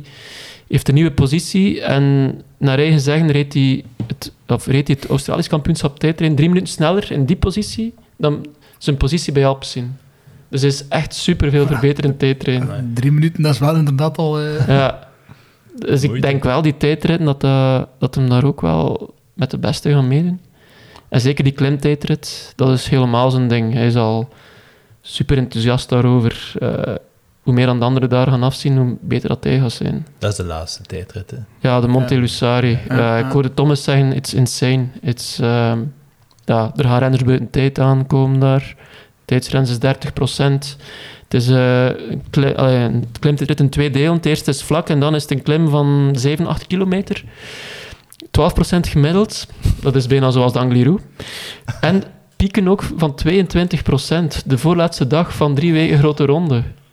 Al, daar, gaat, daar kan echt serieus omwenteling gebeuren nog. Hè. Ik vind dat, dat, dat is dus voor mij, ik vind dat het zalige aan een Giro, die gaan er altijd over. Ja, dat Zeker is- als je ziet wat dat er een dag ervoor op Ja, het programma ja. staat. Of Zeker, ja. Dan is het ook Dat is, eh, eh, ja, want dat is super zware bergrit. Koning Hinrit. Hè. Ja. Eh, Dat had die 5300 hoogtemeters. vijfde- eh, bijna 5500 hoogtemeters. Ja. Vijf calls over. Ja, zou dat Evenepoel kunnen, kunnen nekken? Mm, De hoeveelheid klimkilometers, of zit ik nu nog eh, in het verleden te denken? goh. José zegt altijd... Het is ehm, niet de renner die... er zijn nooit renners die beter worden in een grote ronde. Het, is, het zijn renners die minder slecht worden. En die zijn dan beter in de derde week. Ik denk dat Evenepoel nu zo'n goede basisconditie heeft... Dat hij, dat hij supersnel recuperatievermogen heeft en dat zelfs ah, die zware derde week in zijn voordeel is. Nochtans is datgene dat je in de Vuelta net zag, is dat, dat het Roglic was die dan net minder slecht was, volgens, Ja. volgens José. Het ding is dat Evenepoel nog voor die Vuelta nog nooit een grote ronde in zijn been had. En nu wel. En na je eerste grote ronde die je hebt uitgereden, zijn nog zoveel sterker. Dus eh, hij zal veel sterker zijn dan in de Vuelta, sowieso. En Roglic wordt ook een dagje ouder. En ziet twee belangrijke pionnen wegvallen. Zeker Geesink. Ja, want er wordt nu over gedaan. eh, het is, ja, Rowan Dennis eh, is een gelijkwaardige ver- vervanger, Ja. maar moest dat nu twee jaar geleden zijn, zou ik zeker zeggen, ja, maar ik denk nu dat een Rowan Dennis, Die is op zijn, afzets, allee, Ja, zijn dat is- afzetstournee bezig. Hè. Dus, Twee- gewijs. Drie maanden geleden was hij nog supersterk in Tour Down Under. Maar dat is ook Australiërs pieken daarnaar. Mhm. En zeker hij wist, het is mijn laatste Tour Down Under. Maar ik weet niet... eh, ik had Glouk eigenlijk verwacht, die wel heel goed was in eh, Romandie. Maar toch Rowan Dennis, ja... Hij is een, het is een moteur. Maar Jos van Emden bijvoorbeeld... Die, die, die die had in de bergen die heeft Ja, die- te zoeken. Hè. Dat is 38 ook, zoals van. Ja, Ja, nog meer van een tijd dat ik dingen speelde. Noem het eh, Pro Cycling Manager. ja. Dat is een goede tien jaar geleden, denk ik. Ik heb wel gehoord dat Jumbo-Visma op de tijden echt indrukwekkend was. En er was eh, iemand die zei van ze gaan hetzelfde proberen met Evenepoel, zoals dat ze met Pogacar hebben gedaan. En in één bergrit echt collectief proberen te doen verstikken eigenlijk. Hè. Door aan te vallen elk om de beurt. Dan moet dat met Sepp Koes zijn. Dus Roglic en Koes om beurt. Maar dan heb je ook wel goede klimmers daarvoor nodig. Hè. Eh, Dat stuk voordat ze beginnen aan die eh ja, guerrilla en Natuurlijk, ja, het is een, een bouwman is ook wel eh, Bouwman, ja. een vrij goede... Maar ik denk dat Geesink echt, die was echt supergoed in vorm, vond ik. en die heeft misschien Ja. nog een eitje te pijl met Evenepoel. Ja, Hij wordt voorbijgestoken eh, vlak voor de meet in de Vuelta. Hè. Ah, Door, door Evenepoel. juist. Gino Meder heeft dat ook eens meegemaakt Ja, ja. met Roglic in Parijs-Nice. Als dat wel, als dat, als dat de tactiek wordt en eh, er gaat toen niet gekoerst worden, dan gaan we volgens mij wel een zeer mooie Giro zien. Ik denk dat dat heel goed mogelijk is eigenlijk. Ik denk dat het echt een fantastisch duel gaat worden. Maar dan misschien dat ze elkaar kunnen ja, als uitpersen als een citroen en dat er dan eh, een Geraint Thomas met al zijn ervaring Nog- Er, er van weg. Ah, ja. nog tweede kan worden of zo. Dat er een van die twee er volledig onderdoor, allee, onderdoor gaat, omdat ze elkaar echt de duvel aan doen. Eh, ja. Maar En- jij, ja. jij schat de, de, de winstkansen voor Evenepoel hoger dan voor Roglic. Toch wel, ja. Ja, dat Roglic, ja. Vaak overkomt er hem iets in drie weken, dus... Ja, in de Tour. Ja, in de Giro heeft, was hem ook eens op weg naar Ja, de hè, En toen eh, is hem ook ten val gekomen. Dus ja, alles ziet er goed uit voor hem. Maar de Giro is echt... Ik vind eigenlijk de verschrikkelijkste grote ronde. In de eerste week en ook in de tweede week. Zoveel toppers die uitvallen. Hè. Ik heb ooit eens, denk twee jaar geleden, eh Boegman was gevallen in de neutrale zone. Maar ik wist dat niet. Ik was met mijn ouders eh, op, ja, ergens op daguitstap. En dan hoor ik zo in het verslag dat dus Boegman opgegeven had, zo om vijf, zes uur was het. Ik was zo kwaad dat ik bijna iemand omvergereden na- met de fiets. Er was iemand met een... Ze reden met twee naast elkaar, die fietsers, en het was in een straatje waar er maar één auto kon passeren. En ik moest zo uit de kant gaan en ik heb dan echt zo door. En ik was zo kwaad, ik had net Boegman, dat vernomen van Boegman. hè. De Giro is genadeloos. Hè. Dat kan zomaar zijn dat Evenepoel ten val komt in de eerste week en dat de roze delirium er nooit komt. Hè. Ja.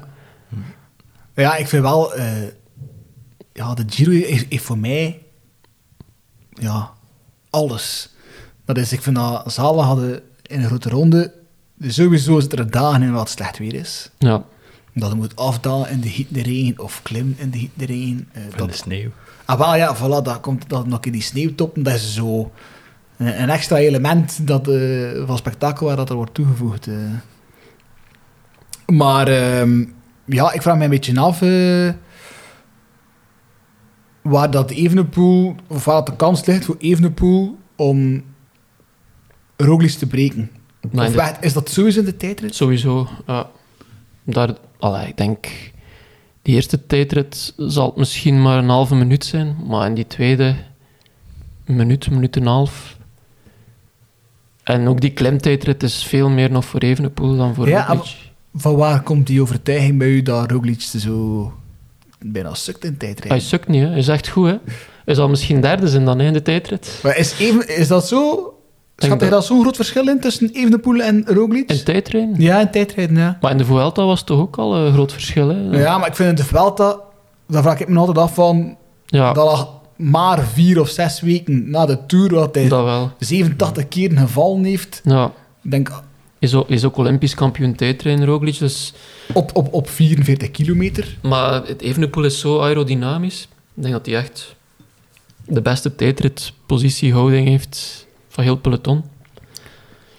Gaat hij dan van in dat heen in het rozen staan? Maar ik denk dat Ganna toch... ehm, Die zit enkel... Allee, die kan heel de dagen trainen met zijn tijdritfiets. En doet dat bijna ook. Hè. En ja, Evenepoel mag dan nog zo goed zijn. Misschien dat Ganna hem nog de loef afsteekt. En dat dat wel goed is voor Evenepoel. Moest hij dan een, een, een head- een head-to-head doen, gelijkaardige voorbereiding? Hanna Ja. of Evenepoel? In de tijdrit? Ja. Oh, Evenepoel. Sowieso. Ja. Dus voor, voor, voor het WK al het geld op Evenepoel. Die zou, dat is eentje die nog ontbreekt hè, in zijn trofeeënkast. eh, of in zijn... Ja, Is een dresser. kleerkast eigenlijk. ja. Dus eh, dat zal die zeker... Ja, ik denk dat het parcours ook wel ideaal is voor hem, dat ik al gehoord heb. Dus, allee, ieder parcours is goed voor hem. Eh, neem nu dat dan eh Evenepoel al het roze pakt in, in eerste rit. is Quickstep dan sterk genoeg om heel die ronde te dragen? Ook als je, dus wat hij zelf zegt, hoopt op een scenario dat eh Jumbo-Visma beurt om beurt aanvalt. Ik denk dat ze in de vierde rit de trui gaan weggeven. Dat is zo'n ideale rit voor de Rein Taramees en andere oudere misschien. Kemna, maar die, ja, die wil het klassement, die, die gaan niet mee mogen. Maar Lorenzo Rotta in de ploeg van Taramee ook. Een paar Italianen die keer eh, de roze trui willen dragen. Ik denk dat Quickstep dat zomaar gaat laten gebeuren en is al hoogstens dan drie ritten eh, de roze trui gedragen hebben. En niet te veel tijd verliezen dan met podiumceremonies en met interviews. Dus, Welke eh, rit staat er, of welke ritten staan er in het rood aangestipt op je agenda? ik, zo, ik ging zijn voor mijn tv zit, maar ja, ah ja misschien wel. Ja. Je- ik heb twee weken congé, de eerste twee Ah, ja. weken. Dus mij is altijd mijn congéperiode. En Remco Evenepoel gaat dat niet veranderen. Ehm, Maar hij gaat niet naar de Giro. Nee, nee. Eh, ja, sowieso. Eigenlijk bijna iedere rit, vind ik. Er gaat echt veel gebeuren, ehm, ook in die overgangsetappes, ook in de sprintetappes. Allee, ik pak nu Roglic in de Vuelta vorig jaar. Dat was een etappe waarvan dat je nooit zou denken dat er daar iets ging gebeuren. En hij valt daaraan op een puistje van 400 meter, 9%. Evenepoel rijdt dan lek. Roglic valt dan nog in de sprint, out of the race. Allee, ik denk dat deze Giro echt boeiend kan zijn van dag 1 tot 21. Maar zeker de, ja, die klimtijdrit, dat wordt uh, heroïs. En Ja. vooral ook ay, als er zo een vlak gedeelte in zit en dan... Die fietswissel. Ja, die wordt er van fiets gewisseld. eh, er zijn sowieso wissels die fout lopen ook. Ik denk nu wel, toch? Ja, pas Ja. op. eh, op ehm, een tour waar dat Roglic verliest, Pauze België, nou, wisselt ook niet iedereen. Hè. Nee. Terwijl dat ook toch een serieus beest is. eh. Maar het is niet te vergelijken met La Planche. Het is nog echt... Ja, het is veel lastiger. We gaan daar dingen zien... eh, Mensen Ja. zien breken, zien... Die stilval misschien. Ja, sowieso. eh, al- ay, 22 procent. Dat is- Ja. En vooral 12% gemiddeld. eh. Hoe zou je zelf zijn? Hè? Ik zit er gewoon niet aan beginnen met verstand. Dus, dat zou ik nooit doen. Ehm, misschien nog los, om, om het Giro-gedeelte af te sluiten. Zijn er Belgen die eraan meedoen, waarvan ik denk van ja, die zou ik wel in toog houden? Ehm, van Wilder zelf eigenlijk. Die gaat ook twee keer voluit gaan al sinds in de tijdritten. En moet zo lang mogelijk bij Evenepoel blijven. Dus die eh zou ook wel eens kunnen, eh, als de situatie zich voordoet, heel hoog in in bepaalde etappes. Misschien nog een klein klassementje rijden. Dat is niet het doel natuurlijk, maar als het allemaal zo goed gaat met Evenepoel, kan hij dat zich misschien permitteren. Als hij ook sterk genoeg is. Blijft hij bij Quickstep van Wilder? Ja, denk het wel. Ja. Er zullen Maar- ook wel beloftes gemaakt zijn dat hij ook wel zijn eigen ambities kan nastreven. Hij weet ook wat hij kan, wat hij niet kan. Maar hij had toch nooit de ploeg rond hem krijgen dat uh, Evenepoel Dat niet, maar het eendagswerk, zoals de Waalse Pijl, misschien leuk op termijn, Amstel. Ligt hij zijn ambitie niet bij een ronde? Ik denk dat hij nu gewoon vooral die ervaring, hij moet een beetje stelen met zijn ogen van Evenepoel. Maar ik denk dat, ehm ja, dat Quickstep er alles zal aan doen om die te houden. Hè. Want als die wegvalt, dan moeten ze drie nieuwe knechten zoeken. Want ze moeten er al twee zoeken voor, tegen de Tour. Dus eh, Hoe oud is die? Van Wilder. Hetzelfde, Leeftijd, ja. ja. Dat is ook Ja. 22. Is dat eh, een beetje de, ja, de fout geweest van een eh, Almeida? Van weg te gaan? mm, je bedoelt dat Almeida nu niet meer, Ah, maar ja, geen progressie meer maakt. o- of minder dat die uiteindelijk die is, die is naar UAE gegaan, Ja, maar ik denk dat UAE echt ook wel financieel. Was gehoord van Vine, dat hij zijn tijdrit drie minuten rapper reed dan bij Alpecin, naar eigen zeggen. Dan denk ik dat je daar toch ook wel heel goed begeleid wordt. En kijk, het is een Colnao, daar is al kritiek op geweest, op eh, de kwaliteit van Colnao, maar eh, kijk naar Ayuso, ja. Is Almeida ook niet iemand die voor het podium kan meedoen? Ja, maar ik denk dat hij eigenlijk zijn top al heel snel bereikt heeft in die ene Giro waar dat hij zo lang de roze trui Ja. heeft gedragen, de Corona Giro. En dat we het beste toen al gezien hebben. En ik- ja, nu met Vine had hij... Ja, ja zijn peren zien. Ja, Vine, daar zien we wegrijden ook, En eh, een, eh, de moeilijkste naam peloton, eh, een Theo Gegen Hart. Ja, ja, die is supergoed in vorm. De vorm van zijn leven, zeggen ze bij Ineos. Natuurlijk, ja. Vlasso, ja. Nou, het is ook twee jaar geleden dat hij de Ja. Giro won. Dat is Ja. niet, die heeft Giro gewonnen, is hij dan vorig jaar hey, veel minder gepresteerd. Ja, ik weet niet of hij nu eigenlijk op zijn top gaat zijn in de Giro, omdat toen een beetje denken aan Vlasov. Die was vorig jaar ook in iedere rittenkoers dat hij meedeed top 5, top 3.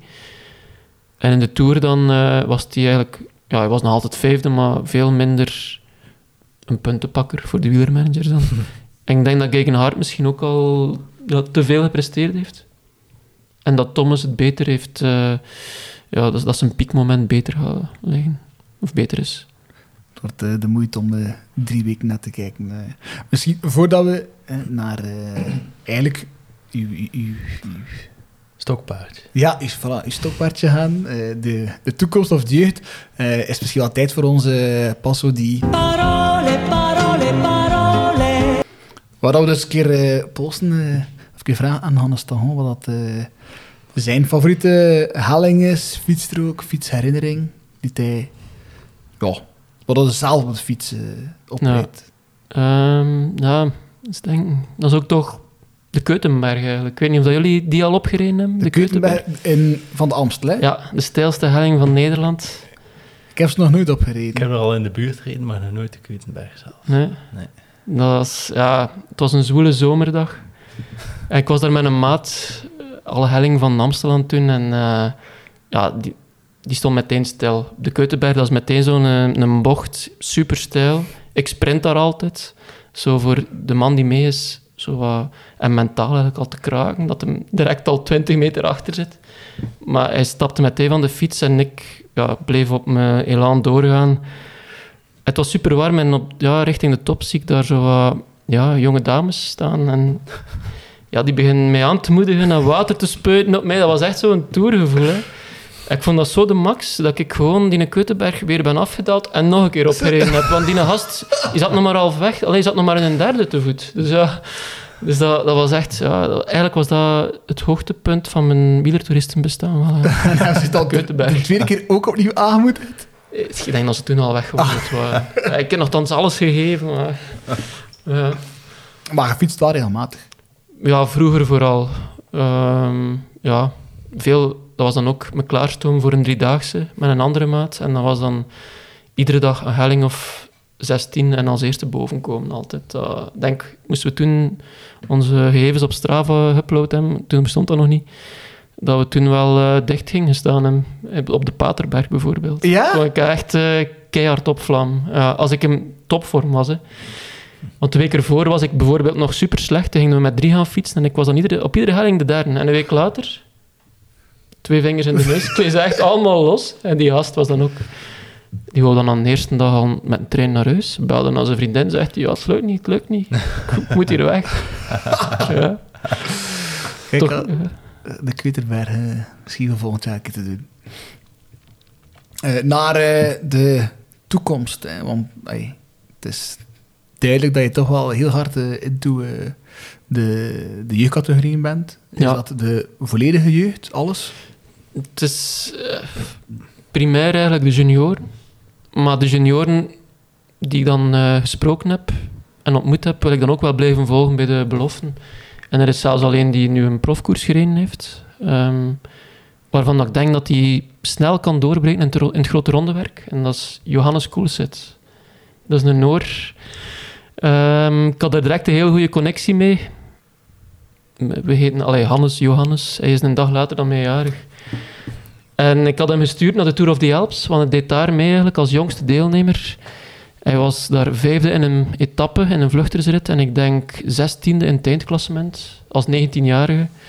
En hij stuurde dat hij eigenlijk, ja, eigenlijk ontgoocheld was over zichzelf, dat hij veel hogere wattages kon trappen, maar dat hij ja, die lengte nog niet gewoon is. En dat hij ja, die profs eigenlijk het leven veel zuurder wil maar Maar ja, die had ook nog nooit lange beklimming gedaan bij de junioren. En nu merkt hij, dat is vaak zo, hè. Pogacar ook, hè. die zat bij de jeugd, was dat geen, niemand die verwachtte van die ploegleiders die het junioren wielrennen toevolgen, dat Pogacar zo, zo'n topper ging zijn. En dat is gewoon ook omdat je bij de jeugd vaak die lange beklimming nog ja, niet, niet hebt in koersen. En bij Coolset is dat ook zo. Hij zegt, die 20 minutenbeklimming of en langer, ja, dat, ik wist dat dat mij lag. En ik heb dat nu gemerkt in Tour of the Alps, dat daar echt mijn toekomst ligt. En hij wilde eerst een Noorse toerwinnaar worden. Bij Uno X. Hij zit al bij de belofteploeg van Uno X. Dat Dus, al een stevige uitspraak. Ja, het is echt eh, een fantastische kerel. Enorm veel uitstraling, altijd een glimlach. Ehm, Van waar komt die interesse om die, om die senioren eh, zo te volgen? ja, eigenlijk is het een maat van mij die dat begonnen was met de Young Peloton. En die zat altijd te sturen naar mij. Ja, van die junior is goed en die en die. En ik kende die allemaal niet. En ik, ik zei, maar stuur me dat niet. Ik weet daar niks van. Praat er met iemand anders over. Maar dat begon toch wel zo wat te knagen van... Fuck, ja, die weet er zoveel van. Ik wil het eigenlijk ook. Dus dan ben ik... eh, hij vroeg dan ook van... Ja, zie je het niet zitten om ermee mee in te stappen? Want hij had dat een paar jaar laten een beetje ja, verwilderen. Had er niks meer mee gedaan met zijn site. En ik zei, dat is goed, maar dan met video's. En eh, dat is gaan we een groter publiek mee aanspreken. Instagram, YouTube. En zo is dat nu ja, eigenlijk tweede jaar nog maar dat ik dat doe. Maar ja, vorig jaar denk ik toch 15 koersdagen of zo. Dat ik dan die renners ook... Je bouwt er soms ook wel een beetje een band mee op, dat je die altijd maar terugziet. En af en toe weer sturen op Instagram. Eh 15 koersdagen in België of hadden dan ook naar het Eh, ook buitenland? naar het buitenland. Ja. Ik ben naar de Morbihan geweest in Frankrijk. Redelijk ver. Helemaal alleen. Een dag erachter. Ik ben dan maar zes uur geweest in de Morbihan. Want de Ronde van Vlaanderen voor junioren was een dag erachter. Dus dan ben ik dan naar daar. En de Daagse van Axel was in de middag. Dus dan ben ik eerst naar daar geweest. En dan de Ronde van Vlaanderen. Drie koersen eigenlijk op ja, 24 uur, denk ik. ja. Maar ja, ik vind het vooral super interessant. Nu weet ik van dit is de hiërarchie bij de junioren. Dat, dat lijken toprenners te worden. Maar over vier, vijf jaar, dat je dan ziet van oei, bij die is het niet gelukt en bij die ook niet. En dat er je- allemaal bij? ja. ja, en ik hou ook die interviews bij. Allemaal ruw materiaal, ook met hun ambities. En dan wil ik weten van waar is het fout gelopen. Dus dan ga ik die renners ook... Want bijvoorbeeld de winnaar van Parijs-Roubaix voor junioren, Luxemburger Niels Michot, die is nu al gestopt met koersen een jaar later. Door de druk en de stress. Ja, dat, ja inderdaad. Senioren, eh, dat zijn 17, 18 jaar. En- Ja, maar dat zijn al halve profs bijna. hè. En die worden ook benaderd door allerlei managers, goede en slechte. Ehm profploegen ook, die al in de rij staan. Maar die mannen willen ook nog een beetje genieten van hun jeugd. En ja, ik vind dat interessant om te zien welke renners, welk, wat, is, ja, wat zijn de kenmerken van de renner die dan doorbreekt. En wat zijn de oorzaken dat die renner dan toch niet doorgebroken is. En welke renners zijn er dan ja, echt gestaag blijven groeien. Dat je het niet verwacht had bij de jeugd dat die zo goed gingen zijn. En dat kunnen factoren zijn van eh, te veel trainen bij de junioren. Ik hoorde van een junior die 30.000 kilometer per jaar zo, eh, vorig jaar zo getraind. gaan dan naar school, hè. Ja. Maar dat kan ook zijn ehm, ja, biologisch. Eh, de- dan moet ik kijken naar de vader. Hoe groot is die? Hoe groot hij al? Ik weet niet als ze nog veel groeien op die leeftijd. Maar, en ook de, ja, de omgeving, de entourage. Zijn het ja, verstandige ouders? Zijn het ouders die iets afweten van de koers? Zijn er die niets afweten? Dan is er misschien nog veel rek op. Eh, Van, Ja. van vader gesproken, dat is nu een naam die de, eh, vrij veel tegenkomt de laatste tijd, is eh Sante Sanchez. ja, Is dat de, het nieuwe Hodenkind? dat is vroeg om te zeggen, maar het is wel iemand met enorm veel inhoud. Bijvoorbeeld Idri Harelbeke, vorig weekend zat ik in de ploegauto van Cannibal eh B Victorious, het opleidingsteam van Bahrein, bij de vader van Vlad van Mechelen, vorig jaar brons op 2K. En Sanchez was gelost eigenlijk. Hij was niet mee met de beste, ja, hoeveel waren er? Een stuk of acht die weg waren, tien. En hij is dan nog teruggekeerd in de laatste kilometers en heeft dan de sprint gewonnen van die groep. Dus je moet ook het wedstrijdverhaal een beetje zien. Dat is altijd interessant dan om eigenlijk in die koers te zitten. De scouts doen dat ook vaak. Die rijden dan met een auto in die koers mee. Om dan alles te zien wat er gebeurt. Maar Sanchez is zeker eh, ja, iemand die er echt ook al volledig voor leeft. En heeft heel veel, ja, heel veel troeven. Hè. Maar om nu te zeggen het nieuwe Hodekind, dat is ja, zulke uitspraken durf ik niet doen. Dan wil ik gewoon, moet eerst eens een generatie gezien hebben, zien hoe dan die evolueren. En van een nieuwe generatie kan ik dan zeggen van, kijk, dat, is, dat, is- legt goed aan. Die heeft, dat ziet er goed uit. Maar, maar er zijn nog andere toptalenten. Zijn, er is bijvoorbeeld Casper Borremans. Dat is een Belgische Fin. Dat is eigenlijk een Fin.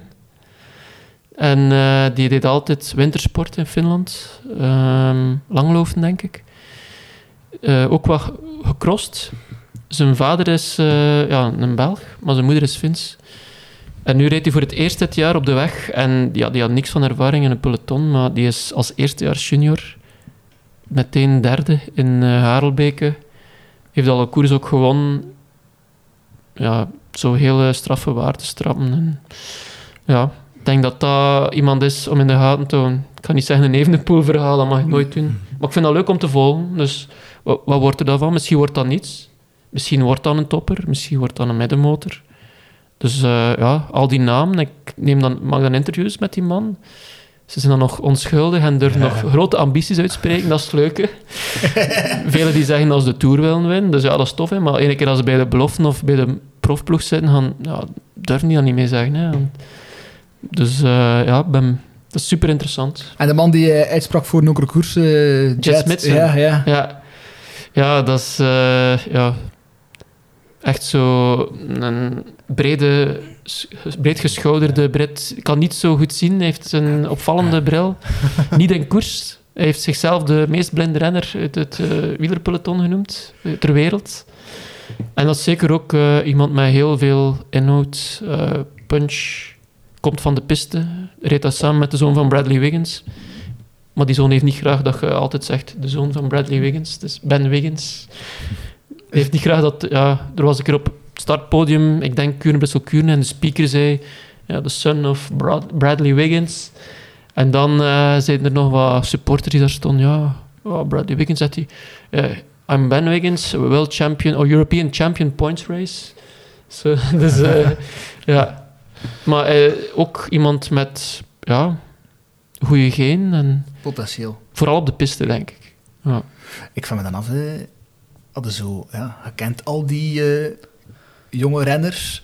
Eh IC was uw eerste droom, iets doen in het wielpeloton, zo wat manager. eh. Ik zit goed bij Sporza. ehm, maar ja, alle kennis dat ik verzamel, die ik verzamel, ja, je kunt daar eh, veel mee doen. Maar ook voor Sporza vooral. Hè. Die video's en al, dat is materiaal dat we kunnen gebruiken als ze een keer een rit winnen in de Tour. Kunnen zelfs een Vive le Velo gebruiken. Of, eh, Eigenlijk is dat een beetje het werk van een scout. Ja, eigenlijk wel, ja. Want ik ben ook al bij renners thuis geweest, eigenlijk. Allee, dat was dan vorig jaar. Dat was Bij de jonge renners. Ja. Gewoon, als je die in een thuisomgeving interviewt, dan ja, heb je daar ook meteen een goed zicht op. Van, ja. Ik weet dat Machin, dat was de scout van Quickstep vroeger, Mhm. die ging naar Colombia, naar Gaviria thuis, naar andere Colombiaan, om te weten, ja, waar leven die, hoe leven die. Mhm. Als we die naar Europa halen, kunnen we daar ja, toppers van maken. Die heeft dat eens allemaal uitgelegd aan mij, wat dat een goede scout allemaal doet. Ik dacht, ja, ze die Hans heeft informatie... allemaal eh, opgeschreven zijn boekje. Dat was in die ronde van de toekomst met Nielsen Paulus Ah, en Adrian Costa. Dat, dat ik hem daar tegen het lijf gelopen ben. En die ging dan ook naar alle renners. Het was er ook een Marokkaan. Ik dacht, oei, had er, stel je voor, een Marokkaanse renner die doorbreekt. Het is een Eritreër geworden. Ja. ja. Ja, kijk. ehm, Dat is eh, Hans van de Wegen zijn grote wens. hè. Of Pygmeeën die doorbrengen, die eh, doorbreken. en, Ah, eh, ah. ja, ik denk, we gaan hier een, een aantal namen opschrijven. Mhm. En het moment dat er een van die namen die jij net genoemd hebt, zijn eerste monument wint, gaan we terugvragen. En dan kunnen we die interviews misschien in onze podcast steken. Ja. Maar Casper Boremans vind ik de max. die spreekt Vlaams met een Fins accent. dat is zalig. Ja. Dat is misschien wel inderdaad, eh, qua audio geweest kan dat wel tellen. eh. Ja, ja, ja. Maar er zijn ja, veel... eh ja, Vlad van Mechelen, die is al wat gekend. Dat is ook iemand waarvan dat ik denk dat hij wel gaat doorbreken. Maar er, ook- ja, heel veel Belgen eigenlijk. We zitten echt...